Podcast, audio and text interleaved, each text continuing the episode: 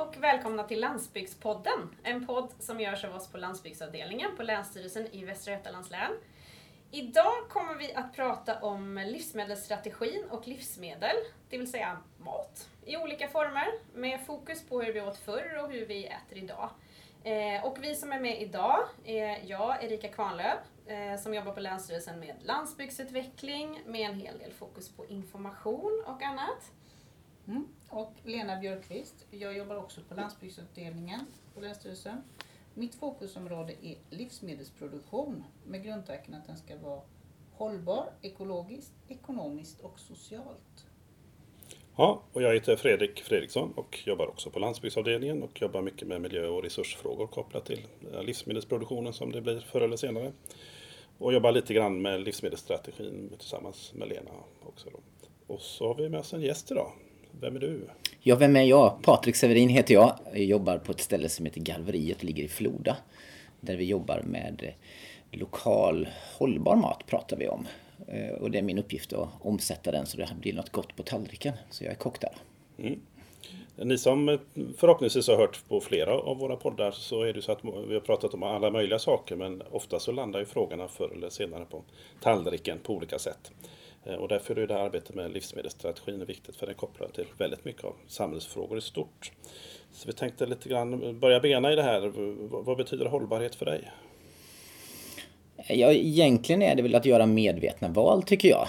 Som att vad, vad betyder det att jag gör val för restaurangen och som privatperson också självklart.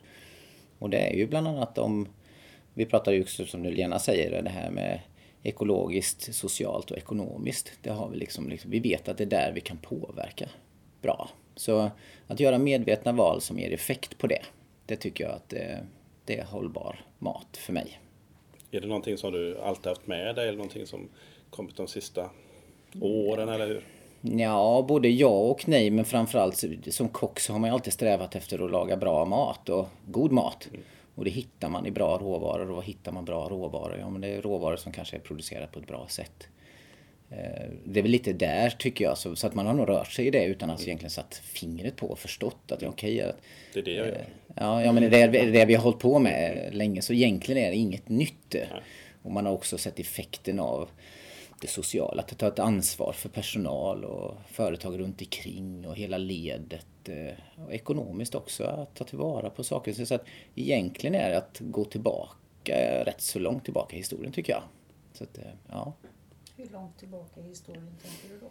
Nej men egentligen att eh, tänka resurssnålt på det vi har. Har vi, har vi en gård som kan producera en viss typ av mat, vi säger den kanske om du kan föda upp en gris, vad gör du av en gris liksom? Du tar inte bara ut filén och skickar resten liksom. Hur gör du med resten runt omkring det då? Mm. Så att eh, det börjar komma tillbaka mer och mer fast man gör en företagsidé utav det idag, vilket jag tycker är lite synd.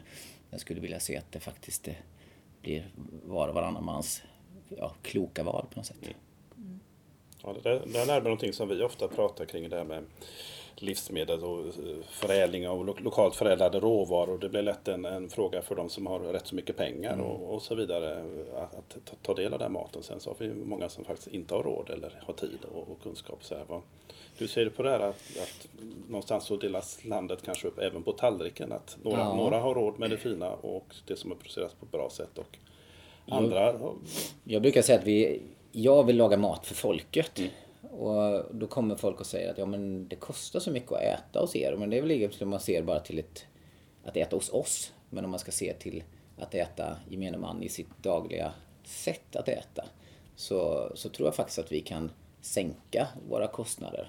Att inte behöva vara en samhällsklasser utan att det sättet att se på ja, hur komponerar jag en maträtt. Att idag så har vi nog nästan trissat upp mängden kött till att bli. Och det är klart att ska vi förhålla oss till det sättet, då blir det dyrt. Jag kan bara se de senaste tio åren när man som privatkonsument kan börja köpa mer ekologisk mat i butik.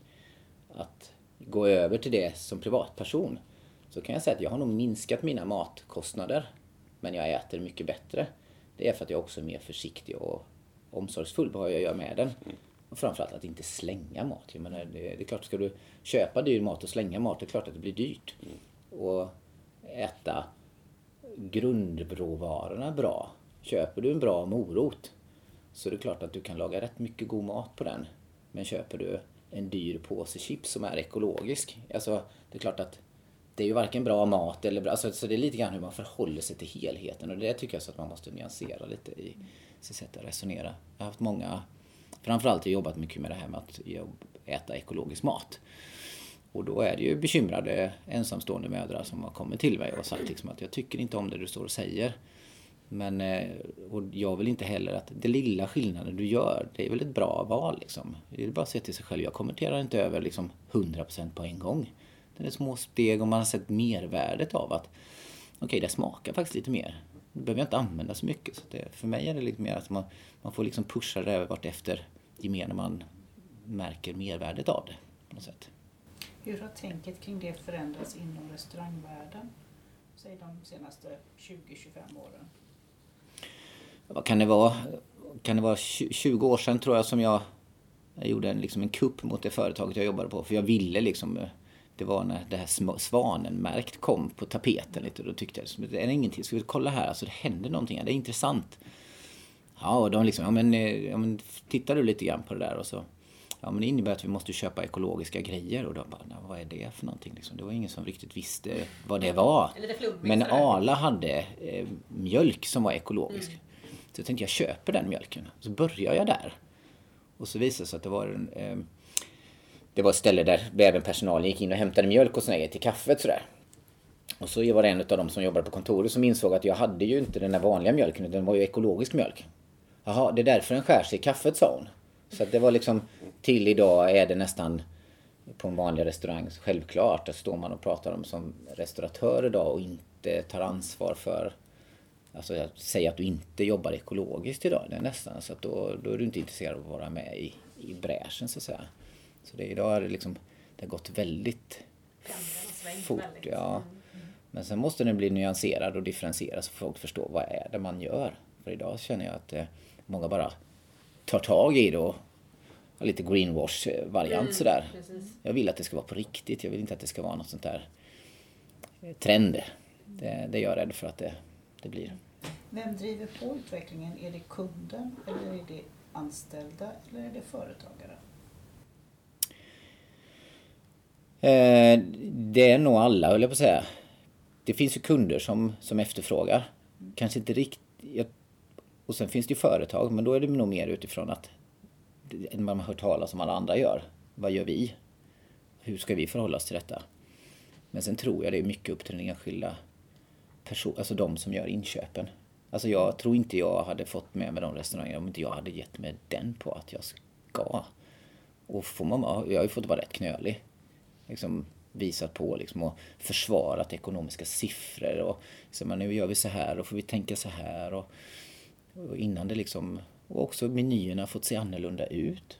Vi kanske till, till och med bytt kundgrupp bara för att vi har fått ändra så pass mycket i menytänk och då måste man någonstans tro, både tro på sig själv men också företaget tro på dem, den staben som ska driva företaget framåt. För det är ju faktiskt det vi gör. Men upplever du att äh, gästerna och så frågar mer idag än vad oh de ja. har gjort oh ja. Alltså de senaste, eller om man ser lite tillbaka i tiden? Ja, oh ja. Eh, och på något sätt backar man fem år tillbaka mm. och du var tvungen, vi säger att ändra din prisbild, för det måste vi göra. Vi pratar, alltså vi kan, vi, pratar, vi kan inte ha den prisutveckling som vi har haft genom åren. Det måste, alltså mat måste få börja kosta pengar. För det är liksom, vi pratar om att mat är till folket. Då måste ju alla få tjäna på det. Jag måste få tjäna på det. Den som har levererat maten till måste Den som har kört maten emellan. Alltså alla måste få tjäna på det. Man får inte vara så kortsiktig som man bara ser till köptillfället. För då fattar man inte. Och det är mycket så tycker jag, att man måste differentiera liksom hela eh, tänket där. Så det... Men hur, vi pratade lite grann om livsmedelsstrategin. Det är ju någonting som är sjösatt från högsta ort i, mm. i, Sverige och som vi ska försöka regionalisera nu. Är det någonting som du hört talas om och tänker att det där var bra grejer eller är det bara? Jag vet att den finns där mm. och jag vet att den, jag, jag vill ta mig an den. Eh, jag tror till och med redan att jag har tagit mig an den. Att främja lokal matproduktion. Alltså tänka alltså lite resiliens-tänket och alltså se till värdet av att vi är mer självförsörjande i Sverige. Jag menar, det, så att jag, egentligen har man nog berört den men jag har inte satt mig in i den så. Jag, det är väldigt, väldigt få i branschen som pratar om den. Jag tror nog att Garveriet är ett företag som vill ta sig an den. Eh, och, och ska tycker jag. Ett sånt ställe som vill göra skillnad. Men sen den generella restaurangen, det, det, det, tror jag inte de vet vad det handlar om. Faktiskt. Men det vore intressant. För det är ju faktiskt det är ju uppsatta mål. Mm, och faktiskt ett stöd så som jag ser det.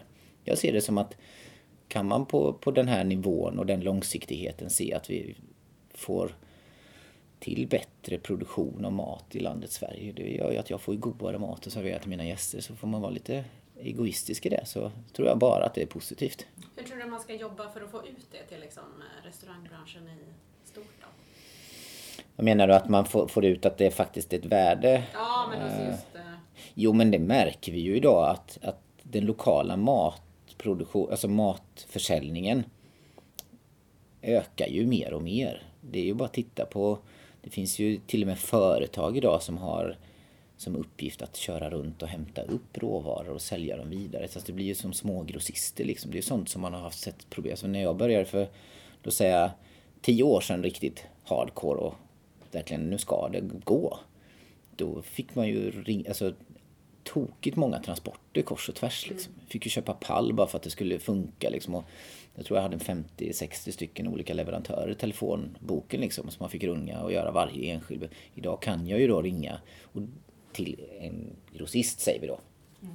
Är mindre och säga hej, hej, jag har detta. Men sen har de inte så mycket, men de har det som finns i regionen. Och det tror jag gör att den vanliga restauratören ser att jaha, vad sker? det blir inte så, för det är rätt jobbigt att ha alla 50-60 stycken leverantörer och ha koll på när det växer och hur. Och jag tycker det var roligt. Men de som kanske står inne i hetluften i stan kanske inte riktigt eh, är där. Liksom. Det tar mycket tid också. Det tar mycket tid, men jag tycker också att de, de förlorar massor kunskap och mm. relationer som, är, som gör att man faktiskt kan laga mycket enklare mat. Om jag vet att det här är en bra morot så behöver jag inte mecka sönder den. Liksom. Då blir det ju rätt bra. Då kan jag ju stå stolt. Men det här är liksom det är bra grejer. Mm. Det var dumt om jag ska mecka sönder den. Så att det... det tänker jag lite grann på också. Att den, den vanliga eh, konsumenten har tappat mycket av kunskapen om basmat. Ja. Du sa ett bra exempel till exempel att jaha, är det för att det är ekologisk mjölk som den skär sig i kaffe? Ja. Hur, hur kan man få konsumenten att bli mer medveten om maten igen och var maten kommer ifrån och vad det är för någonting som gör att du ska inte koka sönder en morot till exempel. Jag tror det är att entusiasmera liksom vi som jobbar med maten, att visa på att det, är skillnad på bröd och bröd, att det är skillnad på morot och morot. Jag tror inte man kan stå och med någon, vad ska vi säga, propagandaskyltar och säga liksom, utan jag tror att man ska entusiasmera, intressera och alltså folk det är bara att se till sig själv att är det, är det gott och enkelt och härligt att leva kring det så det väl, varför ska jag inte anamma det liksom? Så att jag tror att, men eh, resan är lång. Mm. Men det händer massor. Alltså vi ser ju det ute idag. Eh, konsumenten är intresserad, de vill mer. Och sen är det också, vem ska man satsa sin energi på? Nej men jag jobbar mot den kunden som jag vet kan och vill. Varför ska jag lägga energi på den som inte är intresserad? Den kommer sen. Mm. Så är det med all, all mm. typ av förändring tror jag. Och sen får, kommer vi inte få med oss alla på tåget. Men om vi gör det liksom, om vi satsar på dem som vill först. Så tror jag att då sprider sig det till nästa. Och, så, en, en, en att stånga på problemet liksom. Men det kan också vara så att det, det är ju inget självändamål att alla som äger en restaurang kan alla livsmedelsstrategins olika paragrafer. Men däremot ska ju den stödja processen som, ja. som du beskriver. Ja. Och på samma sätt så kanske det viktigaste är att folk att vi blir bättre på att känna vad som är kvalitet i mat mm. och efterfråga det. Och sen hur den har producerats, det, liksom, det, måste man inte alltid veta. Jag vet inte vem som har gjort min mobiltelefon eller min bil eller sådär heller. Utan det handlar om att hitta rätt styrsignaler i det här och då kanske kvalitet och smak och, och är viktiga grejer för då kommer det bli bra i produktionen fram till dess. Men samtidigt är det bra om man ändå har lite hum om att om jag nu väljer att köpa en svensk morot, säger vi då, så gynnar det ju oss både socialt, ekonomiskt och ja, förhoppningsvis ekologiskt också då. Med mångfald och allt, alltså hela det där får vi ju med på köpet. Sen om det kanske är två kronor dyrare då, kilot. Men det gör ju att pengarna blir kvar i landet. Alltså det, vi måste börja tänka mer, lite, lite större tycker jag faktiskt, i alla de här valen vi gör, alltså medvetna valen återigen då. Att inte bara som du sa förut ett specifikt köptillfälle utan Nej. att vad jag väljer har faktiskt Ja. I ett större perspektiv.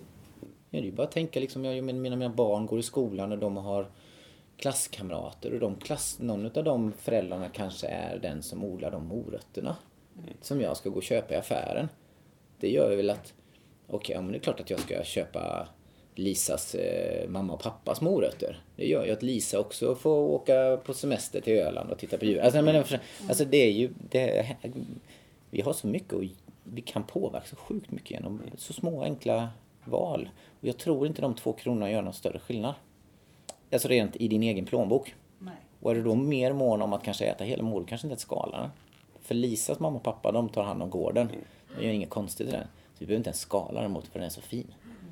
Men, men det är ju inte, det är ju inte så många som faktiskt känner någon som odlar morötter. exempel. Nej, nej, men- Så, att, så att det där kanske funkar ja, på landsbygd eller mindre tätort. Ja. Där finns det en connection. Men, men absolut, det är väl viktigt att man är, förstår konsekvenserna av sina val oavsett om vi pratar om mat Precis, eller ja. bilar eller Ja. mobiltelefon. Och, och det är viktigt att prata kring Mm. att det finns ett, ett värde utöver vad som står på prislappen som man Ja. måste reflektera över. Och det gäller ju allt vi, vi sysslar med. Mm. Allt från ja, när vi väljer skola eller vad det nu är för någonting. Som man, det finns ju mer konsekvenser än vad prislappen säger. Ja men precis. Men sen tänker jag lite kopplat till det du säger Lena och så, som du pratade om, om tidigare Patrik, här, liksom att vi, vikten av att ta hand om hela djur till exempel. Mm. Som, lite grann är ju det som en gång i tiden var en nödvändighet. Mm. Man tog faktiskt hand om hela djur. Man käkade inte färskpotatis utan man lät den växa så att man hade käk över, Mm. över vintern. Så att det som en gång var en nödvändighet, det har någonstans blivit det som är vårt eh, trademark liksom, och våra smaker. Liksom. Och nu så pratar jag om eh, sårbarhetsfrågor och klimatkriser och annat. Liksom. Så att det kanske är någonstans att kanske inte bara göra lyxmat av det utan faktiskt göra det till en nödvändighet igen som, som är liksom ett sätt att lyfta de här frågorna. Att det handlar inte bara om att jag har torkat min skinka på ett tjusigt sätt i ett fint hus någonstans utan det är faktiskt för att det är nödvändigt att göra det.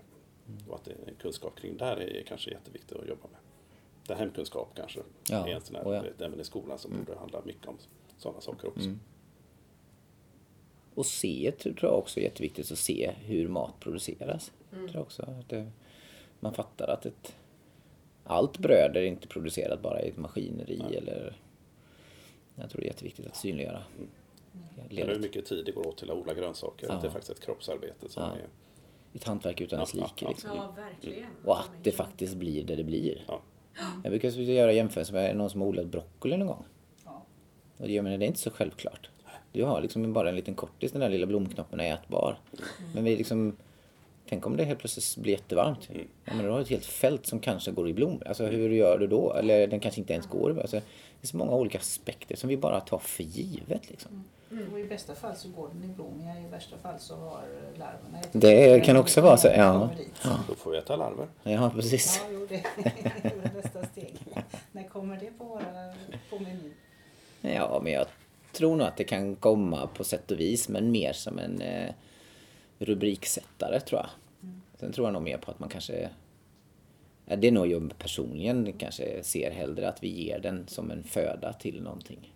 Som, där vi kan omsätta den, vi säger till någon fiskfoder eller fodernivå liksom. Eh, Också lite där, till en början. Sen kanske det är att vi, likväl som vi äter insjökräftor och vice versa, men jag tror inte vi ska liksom dundra på för fort. Då, då kan det bli liksom bara, nej, vill inte. Faktiskt. Alltså, vi det, har ändå ett ganska stort motstånd mot att testa nya saker. Är det inte så? Märks det av när du gör menyer och så vidare och vad kunden på restaurang vill äta? ja, fast sen gör inte vi några jättekonstiga saker egentligen heller. Jag hade i och för sig för ett tag sedan hade jag friterade räkhuvuden. Jag vet inte om det var så att det föll. Men det var ju lite som att sätta en rubrik på. Alltså lite, det är lite det som man kan använda då. Att testa det här får ni se liksom vad ni tycker. För i Italien då äter man friterade hela räkor. Varför kan vi inte, varför skalar vi bort det liksom alltihopa? Men eh, ja, jag vet inte riktigt om det, hur, hur, hur hårt man ska gå fram så. så att, eh, ja, vi får se. Men visst, jag skulle jättegärna vilja prova larver så. Men eh, jag tror inte vi ska bara tuta på. Vi, te- vi testade det när vi var iväg, kommer du ihåg det? Ja, Ja. Jo, vi har testat det. Det var lite som snacks. Mm. Ja. Det finns ju ett visst motstånd men eh, det var ju egentligen inget fel på Nej. smaken. Men jag, jag vet, jag la ut en bild på Instagram då på de här. Vad var det? Var några larver vi eh, Det var provsmakade. Mjölmask va? Mjölmask ja, Mjölmask, med, med. Det Och det blev ju alltså sådana reaktioner. Folk var ju helt Har du ätit det där? Mm. Ja, jag tyckte det var riktigt gott. Va? Vad är det för fel på dig? Jag praktiserade i ett kök i Mexiko faktiskt och då, hade vi, då, då lagade man upp en gång i veckan lagade man upp vissa regionala kök så. Och då bland annat så vet jag att då lagade vi gräshopps som en ragu på det. Och det är klart att det blir ju lite sådär man, ja vad hände här nere i den här lilla grytan då? Men det, det smakar väl liksom okej. Det smakar som räk med skal. Alltså det var inget, eh, så det är lite grann, men jag tror inte man ska, med en viss försiktighet. Jag tror ska vi till förändring, och det måste vi, så att inte heller gå på det vi vet funkar liksom. Så, så kan man putta in det lite sakta men säkert. Jo, och det, det går ju att göra till exempel bröd med Ja, ja. mjöl Ja. på olika larver, Mm. insekter och så vidare. Då känner man ju inte ens att det är någonting annat i det. Nej men precis. Så att, eh, Men det handlar lite om syn på det hela också. Jag vet någon gång när jag hi- hittade något liksom, litet kryp som levde i mjölet hemma. Eh, så tänkte jag ändå så här att ja men det var ju kanske bra då. För att då betyder ju det att det är rent och att det liksom inte är, har dött av någon... Som jag har sagt det många gånger. Ja. När, man, när, man, när man serverar eh, framförallt kolväxter gröna Ja. eh, av olika slag. Där vi har den där lilla larven som du säger då. Mm, Precis. Och vi jobbar ju mycket med att de inte ska följa med ut på tallriken. Mm. För- Men eh, köper man obesprutade grejer så får man oftast med den här kvalitetssäkraren också. Jajamän. Eh, vissa gäster tycker, ja ja men då förstår de. Men vissa bara, nej jag tyckte nog inte att det där säljargumentet gick hem liksom. men det är ju faktiskt så. Men det är klart att vi jobbar ju inte. Ja men lite så. Det, det, Men, men det är väl också ytterligare en sak kopplat till eh, att det som liksom var nödvändigt för dem att ta tillvara på allt. Alltså det här med, med skadeinsekter och, och så vidare. Det var ju faktiskt en realitet som var skillnaden mellan eh, på gränsen till liv och död för. Liksom, så att det, det är väl också en sån här sak att man måste man måste förstå att vi lever i en unik tid och har gjort de sista årtiondena liksom, jämfört med vad som varit tidigare. Och frågan är vart vi ska ta vägen sen kopplat till de här frågorna. Nej, men jag köpte nu bara för ett litet tag sedan rädisor från en grossist, eller en grossist, en, en producent. Som, eh, de här, där gråsuggorna hade varit och gnagt lite grann på kanten på dem. Men när hon hade sagt att det var gråsuggor och jag trodde det var små möss som hade varit där och gnagt. Så hon frågade, vill du köpa? Ja, självklart köper jag dem. Men det var ingen annan krog som ville ha dem, men jag ville ha dem. Alltså det, det är lite som du säger, det, och det är så måste man göra. Eller ett salladsblad som är lite gnagt i kanten. Antingen skär du bort det eller så har du med det liksom. För att det visar på att nej, men det här är inga dåliga grejer, det här är bra. Så att, eh, men där har hänt jättemycket faktiskt. Det, Kunderna accepterar sånt på ett helt annat sätt idag. Det har blivit en mer rustikare typ av matlagning. Det är inte tillfriserat på samma sätt. Men det har man sett eh, i vissa livsmedelsbutiker också när de säljer ut eh, grönsaker som eh, är lite, har blivit lite ledsna. Och, och när man tittar på dem så tänker man ju att men, de är ju faktiskt f- fina ändå och fullt eh, fungerande att äta. Och då kan man ju nästan bli lite skrämd när man tänker att mycket av det kastas bort. Eh, så att det är ju bra då om det ändå börjar bli en mer medvetenhet kring att man inte slänger mat bara för att eller salladen har blivit lite ledsen eller så. Att det ändå går att äta. Där är en sak som jag faktiskt märker mycket utav mina kollegor i branschen när man pratar. Det blir ju mer och mer prat om att man ska ta tillvara på det här som är ett överskott ifrån butik och sånt där. Och, och även, eh, men jag är lite orolig för att det går åt ett håll där, där det helt plötsligt börjar skapas verksamheter som livnär sig på att någon annan inte fått en färdig ekonomisk försäljning. Alltså du har inte fått försäljningen klar. Det är ju ungefär, jag brukar göra jämförelsen om vi skulle driva ett bageri och sälja gårdagens bröd bara. Det skulle aldrig gå. Alltså det blir väldigt kort, å- återigen väldigt kortsiktigt. eh.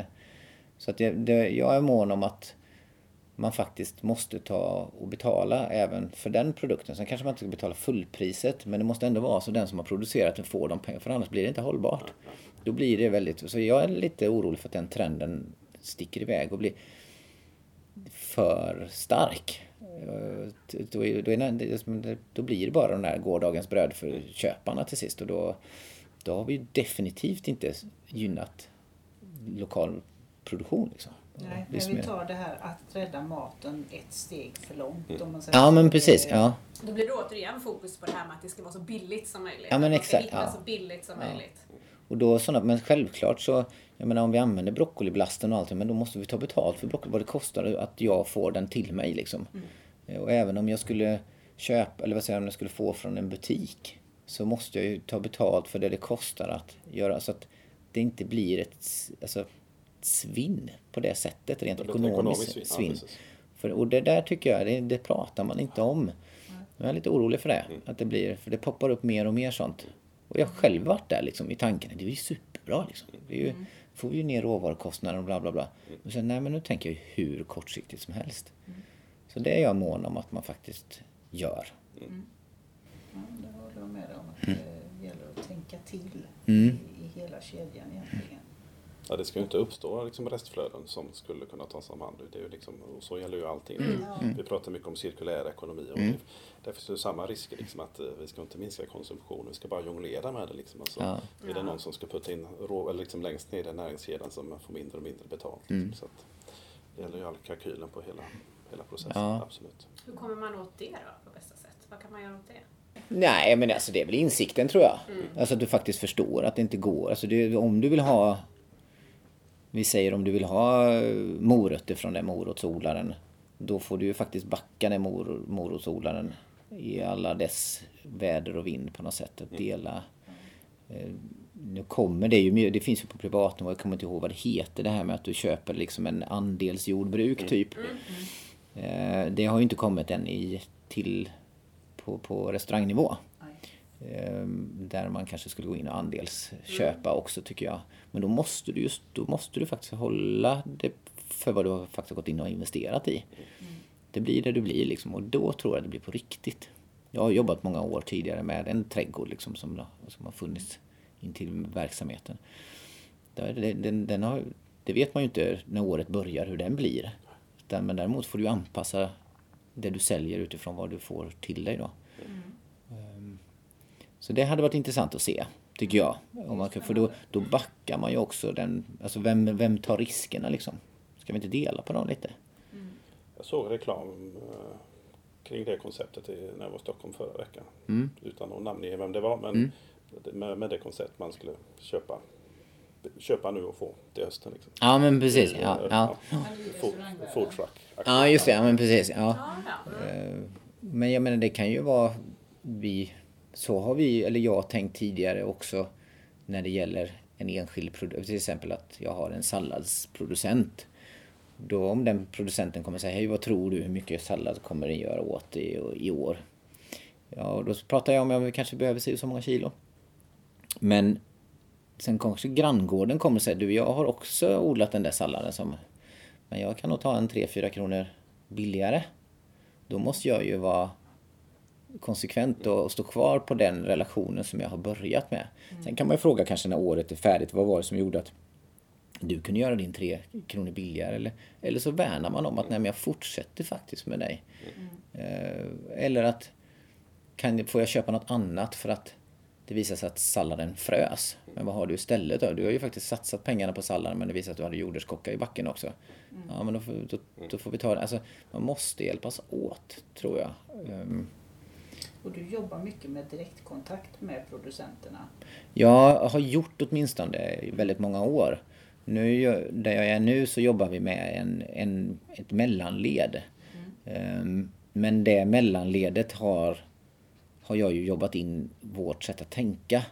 Så att eh, det företaget vet ju med sig om att när det är någonting, när de är ute på en gård till exempel, så vet de med sig om att garveriet kan vara intresserade av detta. Och det är till mig ibland, så nu kommer det bara en låda liksom. Du, jag ställde in detta och detta. Jag tar så och så mycket för det. Bra, då löser vi det. Vi, då, då vet de att vi, vi hjälps åt där. De har fattat att vi också har fattat.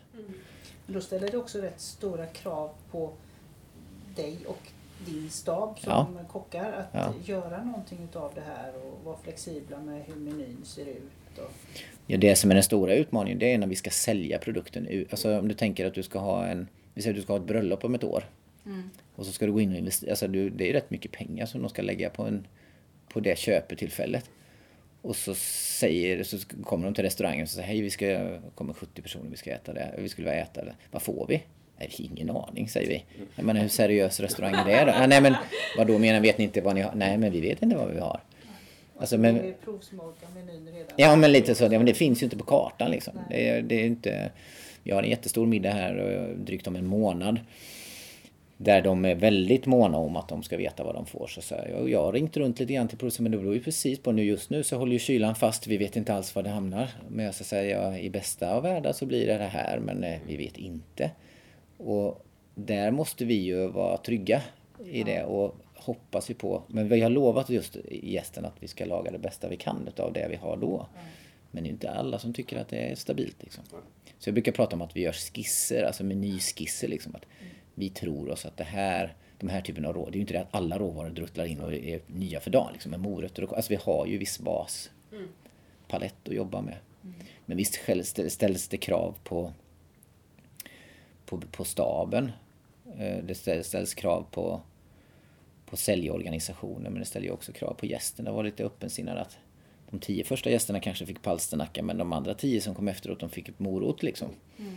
Men också förstå värdet av att de som var före, alltså allting blir unikt då. Mm. För annars kan vi inte, vi kan inte säkra, och vi har ju också ett menysystem som inte gör att vi byter rätten dag för dag utan vi byter när råvaran är slut. Vi vet ju inte, kommer det 10 gäster eller kommer det 110 gäster? Jag kan ju inte säkra upp en, en rätt för att den ska räcka till 110 så kom det till, vad blir det då? Ja men då blir det ett överskott. Mm. Ska, ska jag sälja det då för halva priset eller? Mm. Nej men det blir lite det där.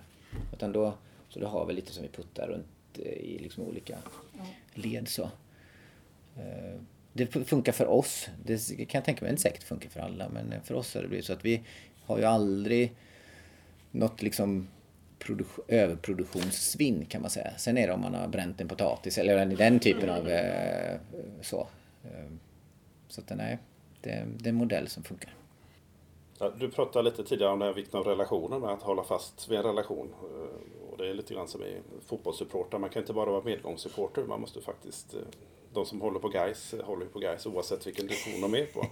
Och, och där är det faktiskt det är viktiga saker där man någonstans.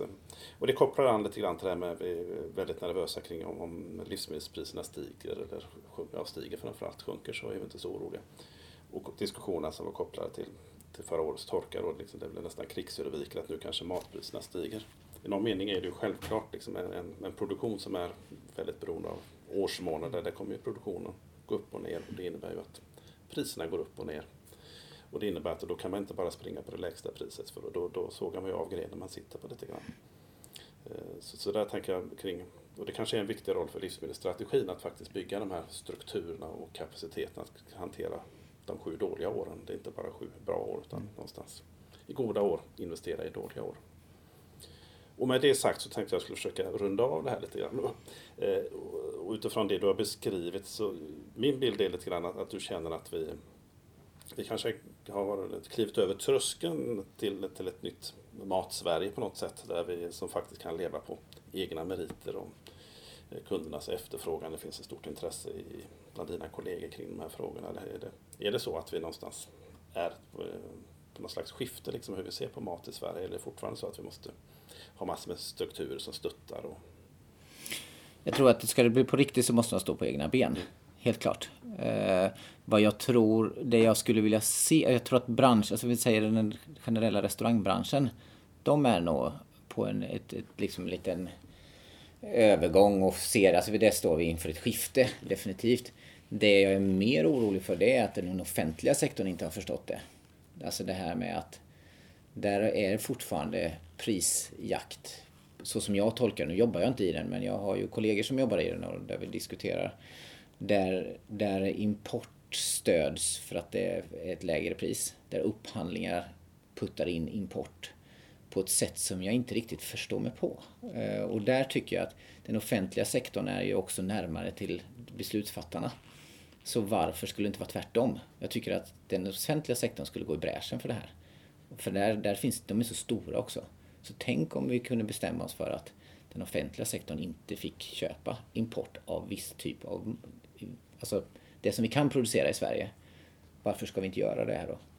Det menar jag inte att vi ska producera kaffe för då har vi ju liksom skjutit oss själva i foten. Men, men alltså det är huvudsakliga som kött, fisk och grönsaker och spannmål. Och, så tror jag att det skulle bli så sjukt bra effekt på det.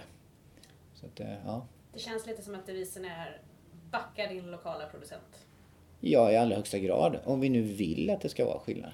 Så helt klart. Mm. Ja, precis. Det är, det är inget självändamål utan det är ett val man gör. Ja. Man måste förstå konsekvenserna om man inte gör det. Precis. Därmed så tackar vi för den här stunden. Jajamän. Tack så jättemycket. Tack för att du kom. Ja, tack.